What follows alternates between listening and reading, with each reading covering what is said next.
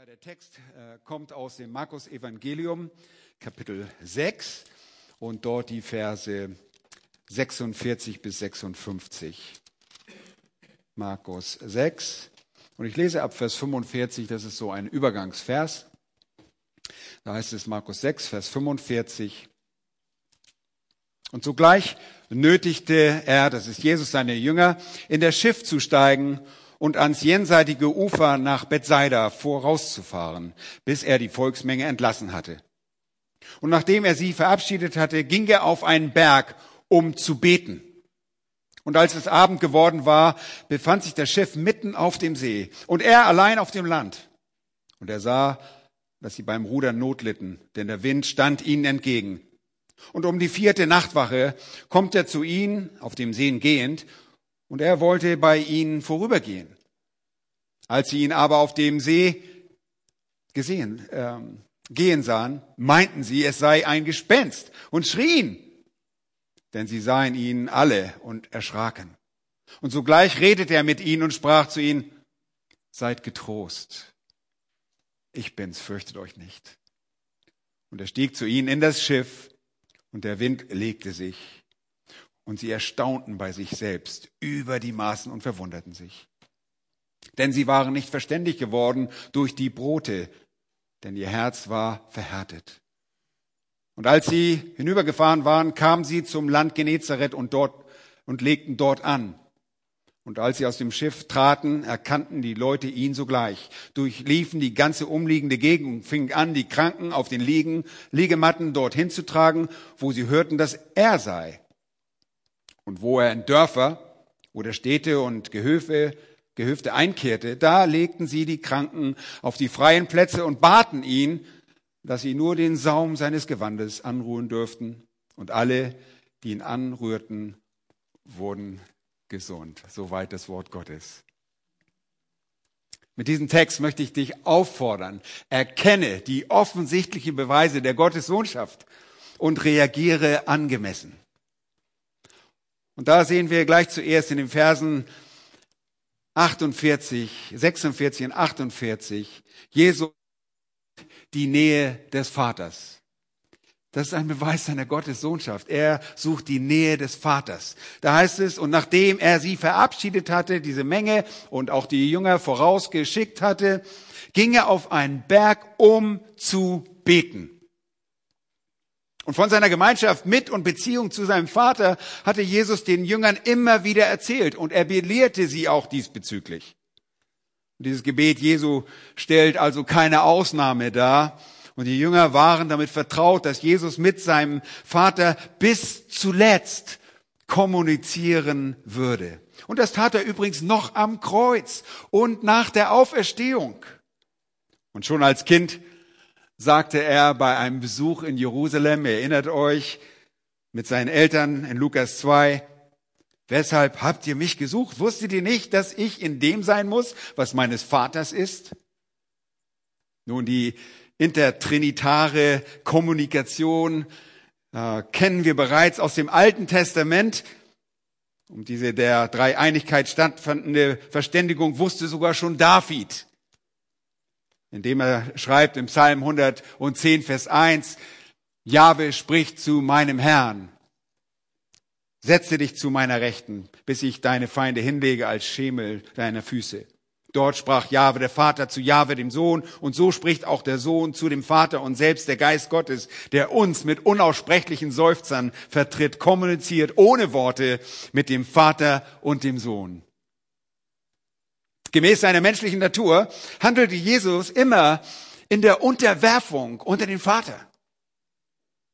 Nun, bitte schaut euch mit mir ein paar Verse aus dem Johannesevangelium an, Kapitel 4. Schon sehr früh in seinem Dienst geschieht dies. In Johannes 4, im Kontext der Begegnung mit der Frau am Jakobsbrunnen, der Samariterin, lesen wir folgende Worte. Johannes 4, die Verse 31 bis 34. Da lesen wir, dass die Jünger ihn baten, Rabbi ist, Vers 31 ist das, Vers 32, er aber sprach zu ihnen, ich habe eine Speise zu essen, die ihr nicht kennt. Da sprachen die Jünger zueinander, hat ihm denn jemand zu essen gebracht? Jesus spricht zu ihnen, meine Speise ist die, dass ich den Willen dessen tue, der mich gesandt hat und sein Werk vollbringe. Seht ihr, Jesus kommunizierte und achtete dabei auf den Willen des Vaters. Schaut ein Kapitel weiter, in Johannes 5, Vers 19. Da heißt es, wahrlich, wahrlich, ich sage euch, der Sohn kann nichts von sich selbst aus tun, sondern nur, was er den Vater tun sieht. Denn was dieser tut, das tut gleicherweise auch der Sohn. Und dann in Vers 30, Johannes 5, Vers 30, das Fazit, ich kann nichts von mir selbst aus tun. Wie ich höre, so richte ich. Und mein Gericht ist gerecht, denn ich suche nicht meinen Willen, sondern den Willen des Vaters, der mich gesandt hat. Seht ihr, diese Beziehung war ihm sehr wichtig. Und dann in Kapitel 6, Johannes 6, Vers 38, finden wir die Worte, die er am nächsten Tag nach der Speisung der 5000 zu der Menge spricht. Dort sagt er in Vers 38, denn ich bin aus dem Himmel herabgekommen, nicht damit ich meinen Willen tue, sondern den Willen dessen, der mich gesandt hat. Jesus tat diese Dinge im Willen des Vaters. Und er tat sie durch die Macht des Heiligen Geistes. Und gemäß seiner göttlichen Natur jedoch handelte er und handelt er in seiner Autorität und Macht als der ewige Sohn. Nun, diese Begebenheit Jesu am Ostufer bestätigte deutlich seine Gottessohnschaft. Es ist der Sohn Gottes, dem wir Glauben schenken müssen, um gerettet zu werden. Es ist der Sohn Gottes, der sein Leben als Diener gibt und zum Kreuzestod auf Golgatha geht und wir müssen ihm in seinem Gehorsam folgen. Er tut es, wir tun es. Diesen Dienst Jesu folgen wir gerade auf den Seiten des Markus Evangeliums. Dieser Dienst gipfelt in seinem Tod und der darauf folgenden Auferstehung. Und sein Dienst hat bis jetzt noch kein Ende gefunden, denn sonst hätten wir selbst als Kinder Gottes heute schlechte Karten. Er dient uns als Fürsprecher, als Advokat und sitzt dabei zur Rechten des Thrones, auf dem sein Vater Platz hat. Und der Vers 48 sagt etwas über die Intensität der Begegnung Jesu mit seinem Vater aus. Denn erst um die vierte Nachtwache kommt Jesus zu den Jüngern auf dem See. Und das sagt uns vielleicht nicht viel. Das Gespräch Jesu mit dem Vater war kein kurzes Tischgebet, sondern es ist wahrscheinlich, dass Jesus die Nacht durchwachte, bis sich, um sich in der Gemeinschaft seines Vaters zu stärken, auf ihn zu hören und in der Gemeinschaft ultimativer Liebe zu sein. Und das ist ein offensichtlicher Beweis seiner Gottessohnschaft für uns als Leser, aber auch für die Jünger, die wussten, dass Jesus seinen Vater im Gebet aufsuchte. Und deshalb schickte er und zwang seine Jünger sogar schnell vorauszugehen, damit er allein sein konnte mit seinem Vater. Nun, das ist nicht der einzige Beweis, den wir hier in diesem Text finden. Schaut euch mit mir den nächsten Beweis gleich im Text an, in Versen 47 und 48. Jesus sieht die Not. Jesus sieht die Not. Der zweite Punkt. Vielleicht denkst du, oh, das können wir Menschen auch und ich auch.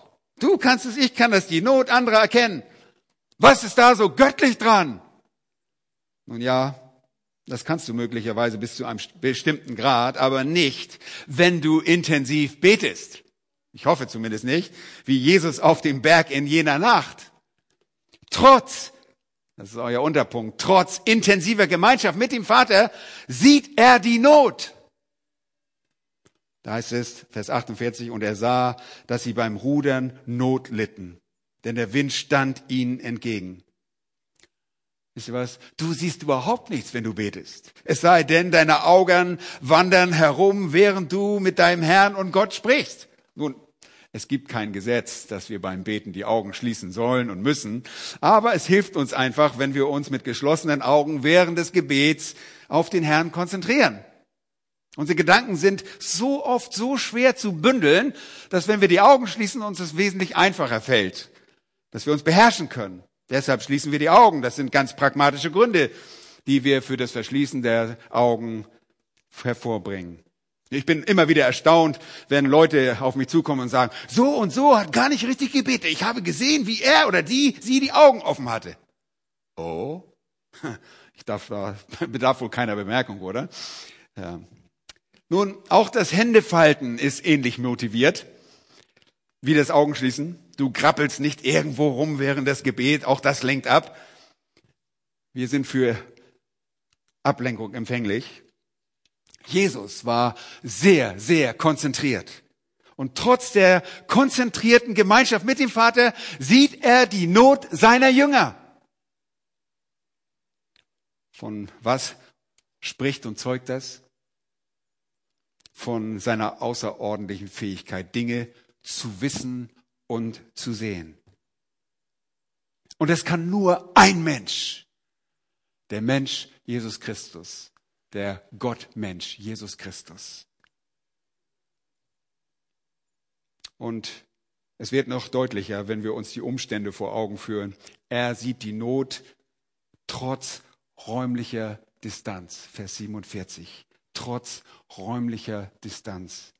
Vers 47 sagt, und als es Abend geworden war, befand sich das Schiff mitten auf dem See und er allein auf dem Land.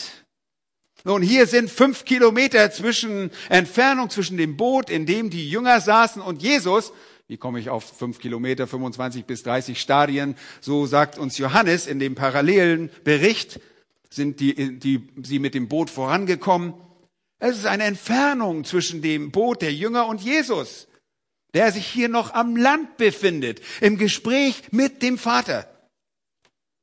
Wir lieben, Jesus hatte keinen Feldstecher noch ein Nachtsichtteleskop bei sich und er hielt auch nicht aktiv Ausschau, sondern er betete.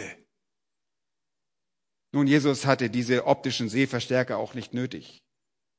Er sieht so, wie Gott immer sieht. Und seine Augen sind auf die Menschenkinder gerichtet. Selbst wenn du und ich es nicht meinen. Im Psalm 34, Vers 16 lesen wir, die Augen Jahwes achten auf die Gerechten, seine Ohren auf ihr schreien. Und wir haben mehrfach betont, wenn du von Jahwe im Alten Testament liest, dann ist das auch der Sohn Gottes. Sein inneres Auge war nicht verschlossen. Und er sieht die Not seiner Jünger, egal wo sie sich befanden. Und das ist eine mutmachende Wahrheit, in gewisser Hinsicht auch eine Warnung. Unserem Gott entgeht nichts, er sieht dich und ist sogar bei dir, wenn du ein Kind Gottes bist. Denn das hat er uns versprochen, selbst wenn du es nicht sehen wirst, wenn du ihn nicht fühlst, wenn du ihn nicht wahrnimmst, er ist dennoch da. Das ist die Wahrheit. Jesus sieht, und das wurde bereits schon im Alten Testament der ägyptischen Magd Hagar bewusst, am Brunnen des Lebendigen, der mich sieht. Und so nannte sie diesen Brunnen nach der Begegnung mit dem Sohn Gottes, dem Engel Jahwes, nannte sie ihn so, diesen Brunnen. Hagar nannte den Namen Jahwes, der mit ihr redete, du bist der Gott, der mich sieht. Hebräisch El Roy. Sie hätte es begriffen. 1. Mose 16, Vers 13. Und das ist ein wunderbares Bekenntnis, das wir aus der Schrift erkennen können. Übrigens ist Jesu Sehvermögen nicht nur auf die Gerechten beschränkt, nicht nur auf die Seinen. Im Psalm 66, Vers 7 heißt es, er herrscht ewiglich in seiner Macht. Seine Augen haben Acht auf die Heiden. Die Widerspenstigen sollen sich ja nicht gegen ihn erheben. Welch wunderbarer Beweis seiner Gottes Sohnschaft, seiner Gottheit. Er sieht die Not, trotz intensiver Gemeinschaft mit dem Vater, trotz räumlicher Distanz und drittens, trotz nächtlicher Finsternis. Vers 47 und 48. Vers 47, und als es Abend geworden war, das ist der erste Hinweis auf Dunkelheit und schließlich sehen wir diese auch in Vers 48 impliziert in den Worten um die vierte Nachtwache. Und das ist für die primärrömischen Adressaten des Markus-Evangeliums leicht zu verstehen. Das ist eine Beschreibung, die sich aufgrund der römischen Wachablösung so eingeprägt hatte und bezieht sich auf eine Zeit zwischen drei und sechs Uhr morgens, in der es noch dunkel war. Die erste Nachtwache begann um 18 Uhr am Abend bis 21 Uhr. Die zweite ging bis Mitternacht, die dritte bis drei Uhr morgens und die vierte Nachtwache, in der dieses Ereignis geschieht, geschieht von drei Uhr, zwischen drei und sechs Uhr am Morgen. Und hier sehen wir eine der wunderbarsten Fakten über unseren Herrn. Er sieht immer, egal zu welcher Tageszeit. Er ist nicht nachtblind. Und wisst ihr was? Unser Gott schläft auch nicht. Er ist der Hüter Israels schläft und schlummert nicht. Nun, Moment, haben wir nicht gerade gelesen, dass Jesus schlief? Ja, er schlief in dem Boot, weil er wahrer Mensch war und wahrer Gott gleichzeitig. Aber die Schrift lehrt uns, dass er in der Menschwerdung seiner göttlichen Natur die Eigenschaften und die Vorrechte Gottes vollkommen besaß. Allerdings brachte er imstande seiner Erniedrigung die Herrlichkeiten seiner Majestät nicht immer voll zum Ausdruck. Sie waren hinter einem Gewand, hinter einem Schleier der Menschlichkeit verdeckt. Aber wie schön zu wissen, Gott sieht dennoch unsere Not. Und Gott ist Gott der Vater, Gott der Sohn und der Heilige Geist. Und es, es entgeht ihm nichts. Ob du am Tag im hellen Licht wandelst oder dir Sorgen auf deinem nächtlichen Lager machst, Gott sieht. Jesus sieht. Dein Herr sieht. Er sieht dich. Und wenn du nicht sagen kannst, dass Jesus dein Herr ist, dann beuge dich ihm. Denn er sieht und kennt auch dich, und zwar durch und durch. Er weiß um deine größte Not. Die größte Not ist deine eigene Sündhaftigkeit. Sie ist das lebensbedrohlichste Virus im Leben eines Menschen. Und zwar eines jeden Menschen, der auf diese Erde kommt. Die größte Not ist nicht HIV, das humane Immundefizienzvirus oder AIDS, das eine Menge Menschenleben gefordert hat. Es ist auch nicht das sich pandemisch ausbreitende Coronavirus, was dich das Fürchten lehren sollte. Es ist vielmehr das global verbreitete Problem der Sünde, die Menschen erfasst und den ewigen Tod zur Folge hat. Und zwar für jeden Menschen. Absolut jeden Menschen. Es sei denn, du wendest dich an den Retter, den Sohn Gottes. Und während Mediziner und Forscher akribisch nach Lösungen zur Bekämpfung und Eindämmung von Pandemien suchen, kennen wir das die Lösung zu dem größten Problem, die Lösung zu der Sünde. Ist das nicht wunderbar? Die Lösung aus der Sündung, die Erlösung aus der Sünde. Sie ist durch Jesus möglich.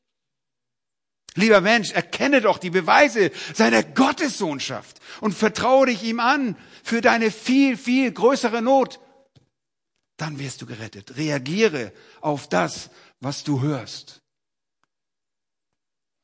Nun, der dritte Beweis aus unserem Text für seine Gottessohnschaft ist, dass Jesus nicht nur sieht, sondern drittens, Jesus nimmt sich der Nöte an. Das ist, müsst ihr korrigieren, von Vers 48 bis 51 an und die Verse 55 und 56.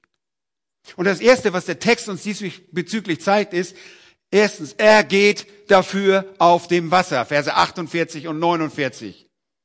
Er geht auf dem Wasser. Ihr seid nicht mal überrascht. Finde ich ja gut, ja. In Vers 48 heißt es, und um die vierte Nachtwache kommt er zu ihnen auf dem See gehend. Ha, meine Güte. Und Vers 49, als sie ihn aber auf dem See gehen sahen, Jesus ist nicht nur derjenige, der um die Nöte weiß und sie sieht, er tritt bei den Jüngern auf und geht dafür auf dem Wasser, um sich dem Wetter entgegengesetzten, in Seenot geratenen Boot zu nähern. Ausgesetzten. Dass Jesus auf dem Wasser des Sees geht, wird also gleich zweimal erwähnt in diesem Text. Ihr wisst, das wird sehr skeptisch gesehen heute. Sowas kann es nicht geben. Nein, es kann es auch nicht geben. Sehr recht. Aber bei unserem Gott gibt es das. Ein Beweis seiner Gottessohnschaft. Er ist Gott. Und das hat sich tatsächlich wortwörtlich so zugetragen. Denn der Allmächtige, der Schöpfer dieser Welt, kann Naturgesetze nach seinem Belieben außer Kraft setzen. Er herrscht darüber. Er kann machen, was ihm gefällt. Und er tut das auch gemäß seinem ewigen Ratschluss. Und ich muss sehr häufig an diese Worte aus dem Propheten Jesaja denken, wo es in Jesaja 46 und Vers 10 heißt, ich verkündige von Anfang an, das sind die Worte unseres Herrn, das Ende. Und von der Vorzeit her, was ich nicht, was noch nicht geschehen ist. Ich sage, mein Ratschluss soll zustande kommen und alles, was mir gefällt, werde ich vollbringen. Ihr Lieben, das war so etwas. Hier gefällt es dem Herrn dieser Welt, auf dem Wasser zu gehen. Und das zugegeben, das ist nicht so gewöhnlich. Ich empfehle das auch nicht nachzumachen. Das konnte nur unser Gott, der Herr Jesus Christus. Und das war Teil seines ewigen Ratschlusses, dass er das so tun würde, um ihn zu bestätigen. Das Gehen auf dem Wasser sollte nur ein ungläubiges Herz überraschen. Es sollte nur ein ungläubiges Herz in Zweifel und in ein exzessives, ein übermäßiges Maß an Erstaunen versetzen. Der Gott, der diese Welt geschaffen hat, und wir können das nachlesen im Kolosserbrief Kapitel 1, ist der Herr Jesus Christus. Er ist der Herr der Elemente und besitzt jegliche Gewalt über die gesamte Schöpfung. Hier geht es zu, geht er zu den Jüngern und zwar durch stürmische Gewässer. Er braucht nicht mal einen spiegelglatten See. Hier war ein stürmisches Gewässer. Und er beherrscht die für die Menschen widrigen Umstände des Sees. Jesus nimmt sich der Nöte an. Zweitens, Vers 50, er tröstet. Er tröstet. Jesus tritt bei den Jüngern auf und seine erste Hilfsmaßnahme ist der Zuspruch von Trost. Er, der Trost Israels, wirkte augenblicklich beruhigend auf seine Jünger ein. Und sogleich, das ist das Lieblingswort des Markus, redete er mit ihnen und sprach zu ihnen, seid getrost, ich bin's. Fürchtet euch nicht. Und die Veränderung der Notlage beginnt mit tröstenden, mit mutmachenden Worten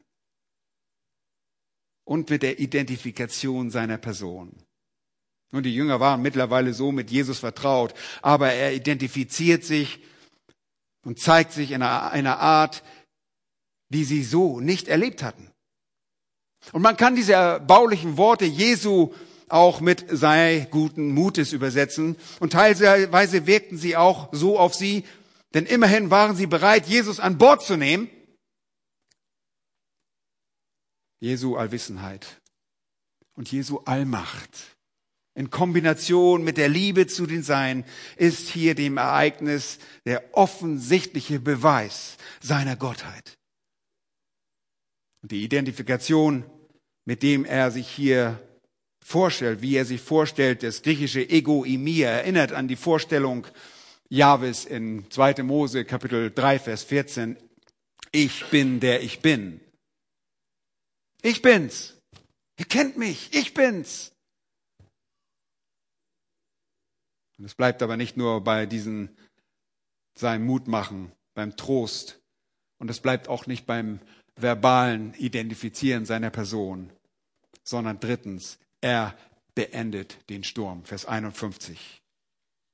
Im Rahmen dieser Geschichte gibt sich Jesus nochmals zu erkennen, wie nur Gott allein es kann. Seine Gegenwart verändert die Notlage. Vers 51, und er stieg zu ihnen in das Schiff und der Wind legte sich. Und diesmal gibt er nicht mal einen Befehl an den Wind. Der Wind weiß, dass er dem Ratschluss Gottes zu, sich zu fügen hatte. Und das hatte unser weiser Gott genauso geplant und in seinem ewigen Ratschluss ausgesprochen, dass der Wind aufhören würde, sobald er in das Boot steigen würde. Und Markus an dieser Stelle lässt die Geschichte vom Wandeln und Sinken des Petrus in den Wellen des Sees in seinem Bericht aus. Aber dieses Ereignis vom sinkenden Petrus und seinem kleinen Glauben geschah in diesem Kontext, in dieser Geschichte. Und Matthäus berichtet darüber. Vielleicht wollte Petrus diese Aufmerksamkeit nicht. Letztlich wissen wir nur mit Gewissheit, dass es der Heilige Geist im Evangelium des Markus nicht haben wollte.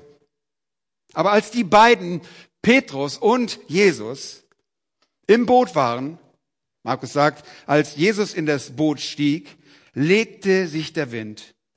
Und Johannes ergänzt, dass sie augenblicklich am Ziel ankamen.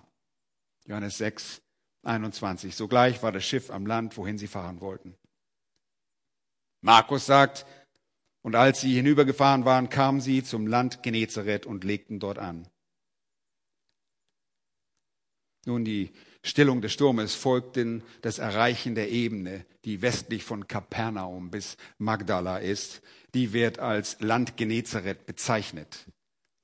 Es gab dort früher die Stadt Genezareth selbst und das Umland hieß Genezareth. Es ist schwierig, die genaue zeitliche Abfolge und der Ereignisse und auch die geografischen Details zu harmonisieren. Das haben viele versucht und es ist äußerst schwierig. Aber wahrscheinlich steuerten sie auf die nahegelegene Landschaft westlich von Kapernaum hin. Dort gab es möglicherweise ein zweites Bethsaida. Und ich habe in den frühen Morgenstunden heute eine Karte auch gefunden, die dieses Bethsaida aufzeichnete. Ich war ganz zufrieden, dass ich das endlich gefunden hatte.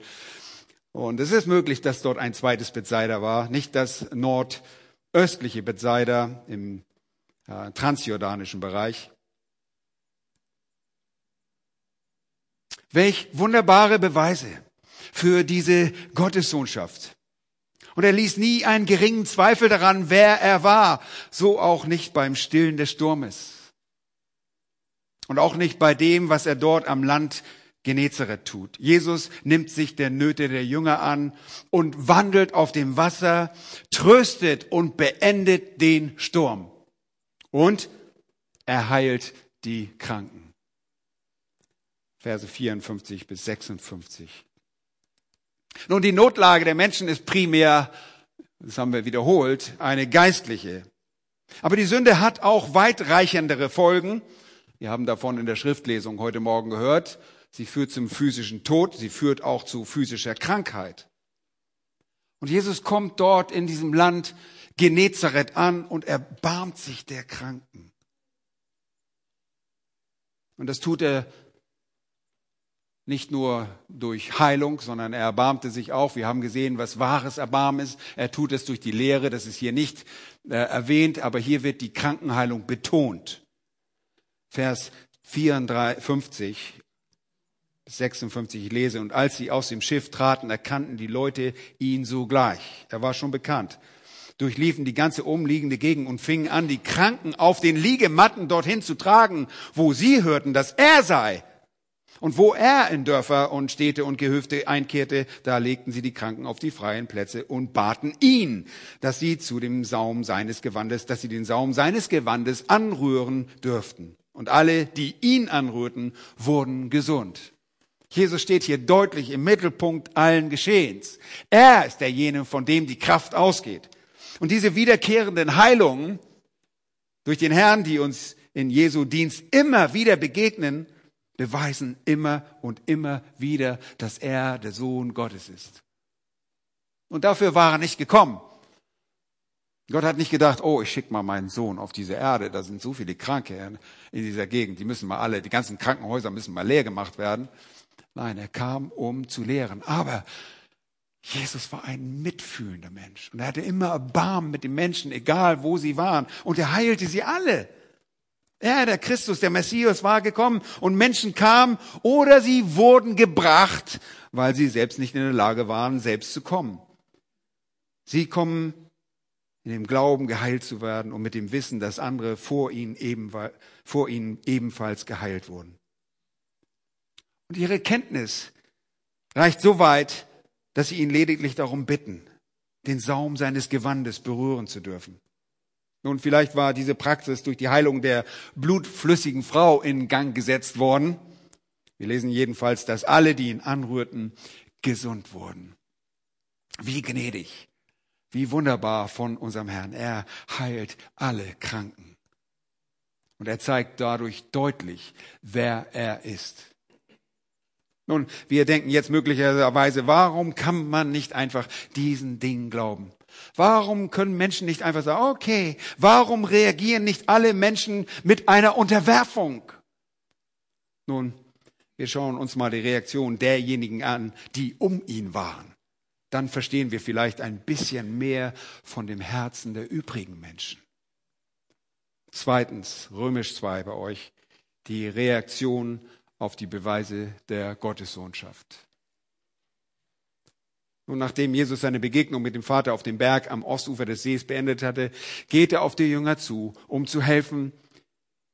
Wie geht das? Er geht auf dem Wasser und steigt in das Boot und wir haben das gerade betrachtet. Jetzt sehen wir die Reaktion auf diese eindeutigen Gottesbeweise und das nicht von irgendwelchen Menschen, sondern von denen, die ihm seit einiger Zeit besonders nahe standen.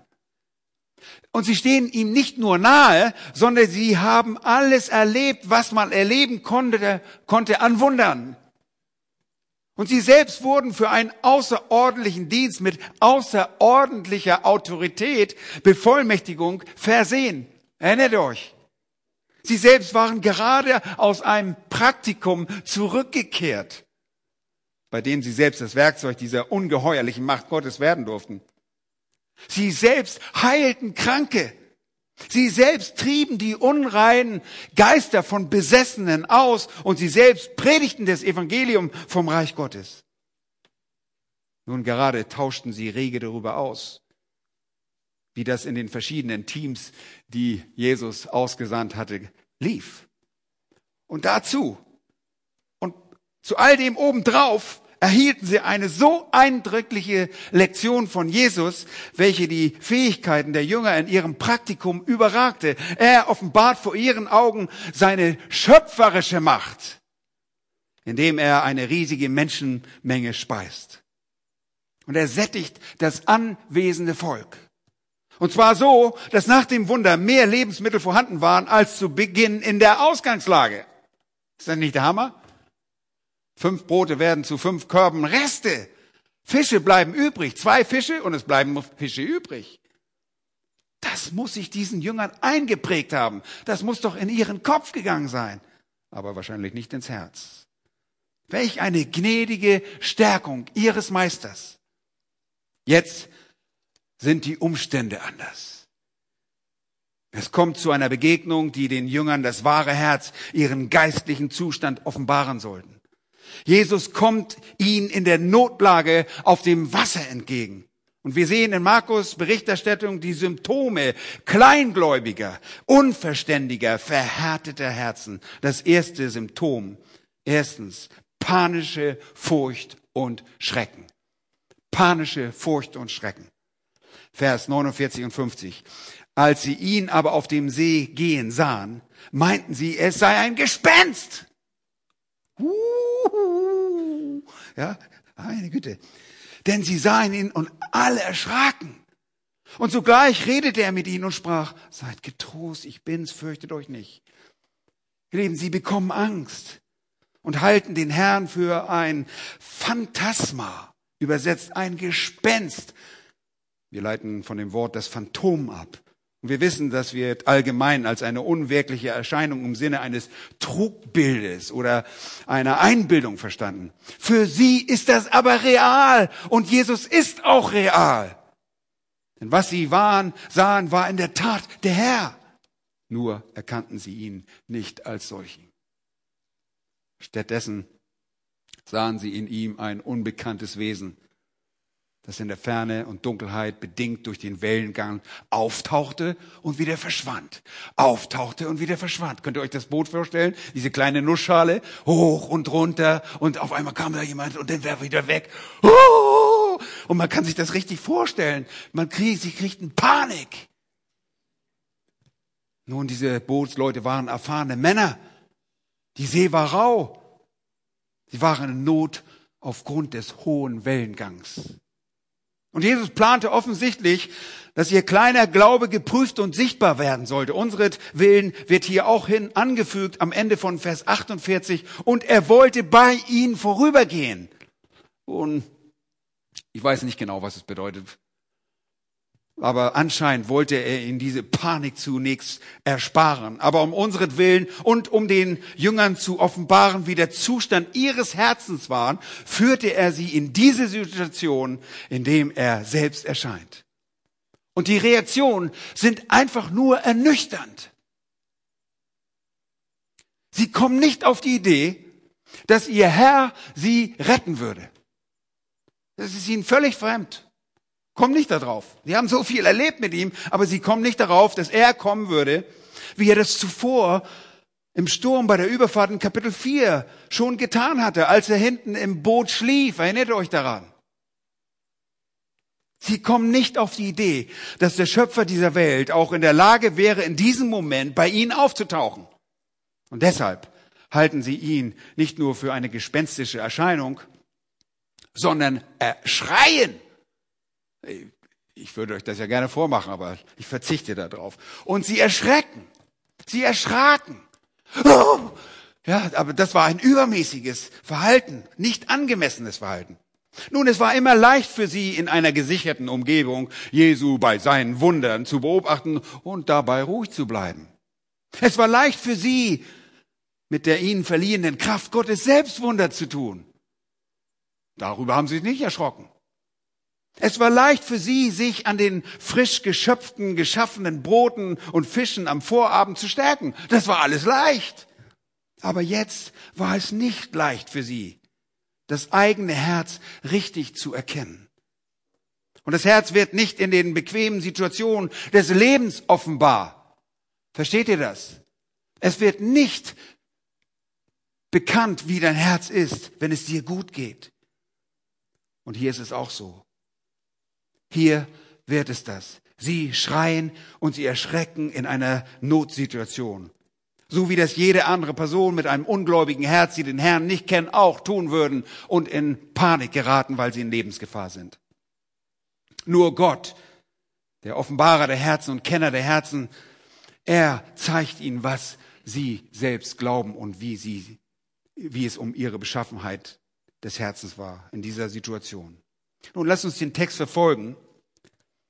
Die zweite Reaktion bestätigt das Innenleben der Jünger und folgt auf die Beruhigung des Sturmes. Das zweite Symptom ist exzessives, das ist übermäßiges Staunen, Vers 51.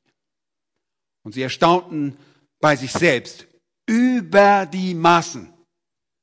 Und der zweite Teil, und verwundert sich, ist eine Textvariante, den viele andere, die besseren Handschriften nicht haben. Aber sie erstaunten bei sich selbst über die Maßen. Nun, Jesus ist so gut und voller Liebe und er kommt zu ihnen in das Boot und die durch den Wind verursachte Not, obwohl jetzt beseitigt, offenbart eine Not von anderer Natur. Es gibt eine Herzensnot bei den Jüngern. Die Symptome lassen auf diese Not schließen. Vers 51, sie erstaunten bei sich selbst über die Maßen. Und hier handelt es sich nicht um ein einfaches Staunen. Oh. Es ist nicht nur ein einfaches Staunen über eine besonders gute Leistung. Es ist ein in sich ein sich nicht einkriegen, ein exzessives, übertriebenes, über die Maßen außer sich sein, das sich hier auf den klein, aus dem kleingläubigen Herzen der Jünger ergibt. Die waren nicht wieder einzukriegen. Stellt euch vor, der Herr hat ihnen all diese Dinge gesagt, die in der Zukunft mit ihnen zusammen geschehen würden. Er hatte ihnen sicherlich einige ihrer Pläne, äh, seiner Pläne mit ihnen gesagt und sie glaubten jetzt, als wäre alles aus. Das Leben ist vorbei. Wir sind Toast. Wir sind tot. Diese Reaktion ist unangemessen. Und jetzt dieses unangemessene Staunen. Nach all dem, was sie mit Jesus bereits erlebt hatten. Und er hat ihnen Pläne offenbart, die sie betrafen. Sie sollten zu Menschenfischern ausgebildet werden. Und wie, sie waren gerade dabei. Jesus baut alles auf diese Männer. Und der Meister würde, der Herr und Schöpfer dieser Welt würde sich würde sie jetzt vorzeitig sterben lassen? Das ist erstmal dieses Schrecken und Ängstigen. Und dann diese Rettung aus der Panik in der Stille, die jetzt dieses exzessive, dieses übermäßige Staunen verursacht, führt darauf zurück, dass ihr Herz nicht weich war. Erste Ursache, Unverstand nach dem zeitnahen Wunder. Unverstand nach dem zeitnahen Wunder.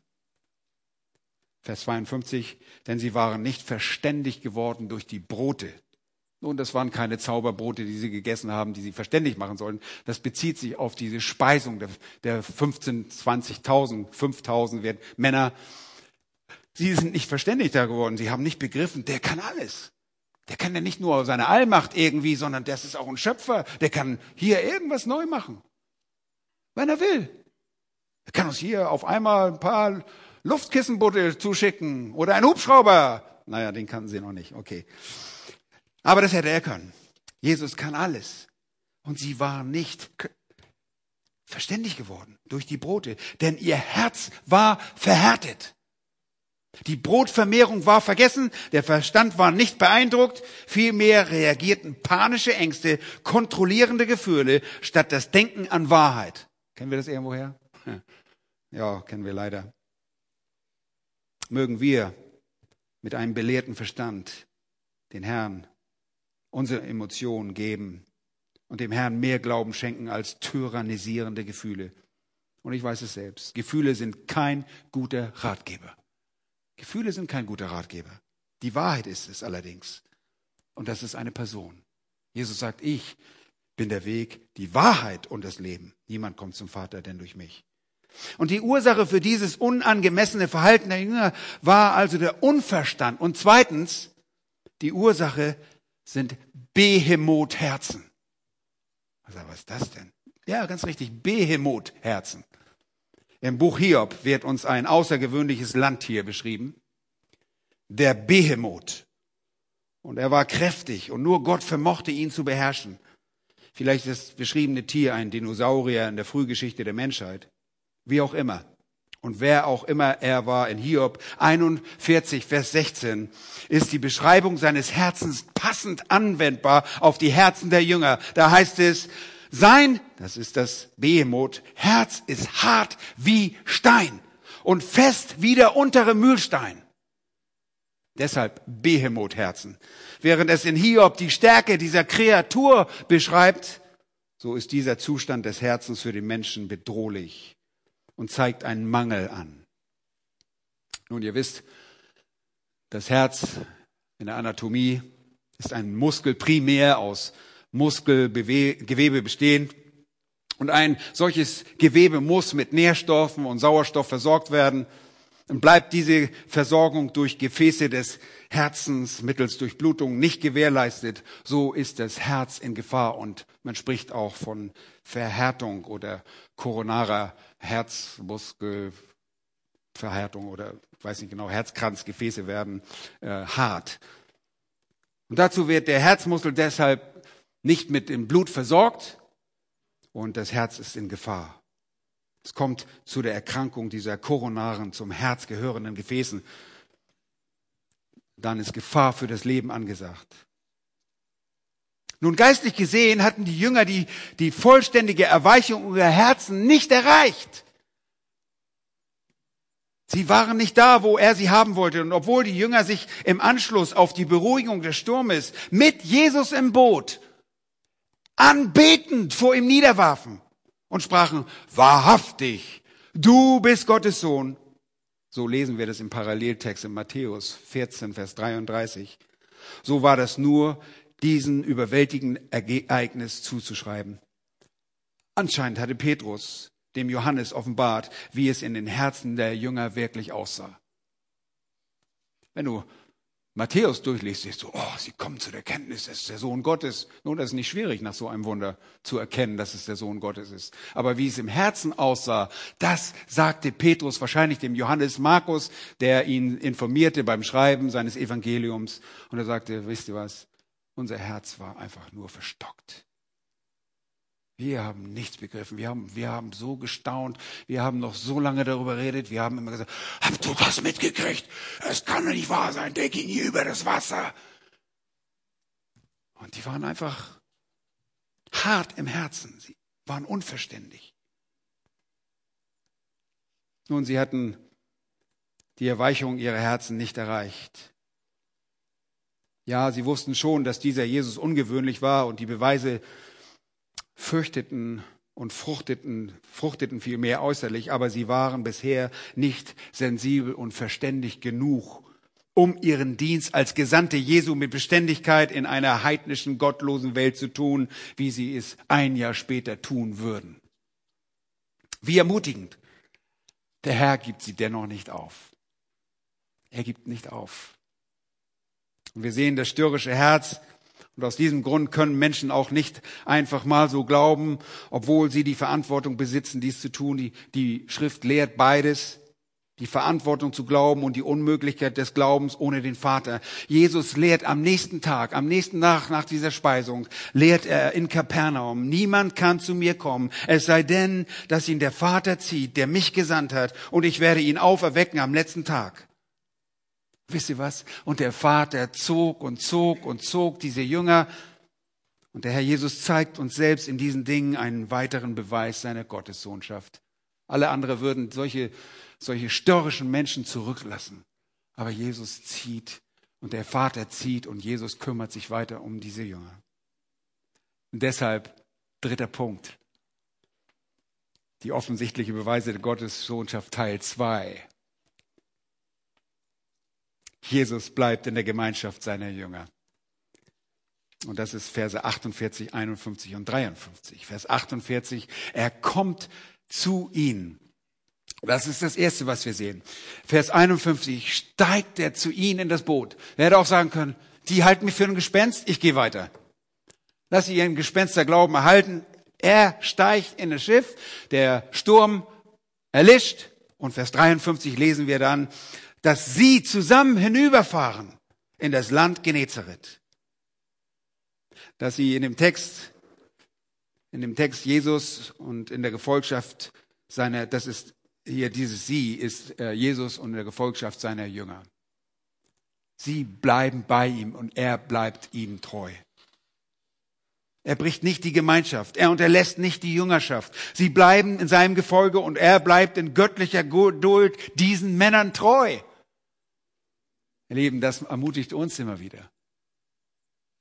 Dass man mit uns nicht aufhört. Wie oft verbocken wir Dinge? Wie oft werden wir vor Gott sündigt? Und er sagt nicht, das war's. Wir entsorgen Borchmann. Wir entsorgen dich. Wir entsorgen dich. Nein, Gott geht uns nach. Er ist geduldig. Und Jesus hätte sich theoretisch abwenden können, aber das tut er nicht. Denn er ist der Sohn Gottes und er bleibt bei dem, was sein Vater wollte.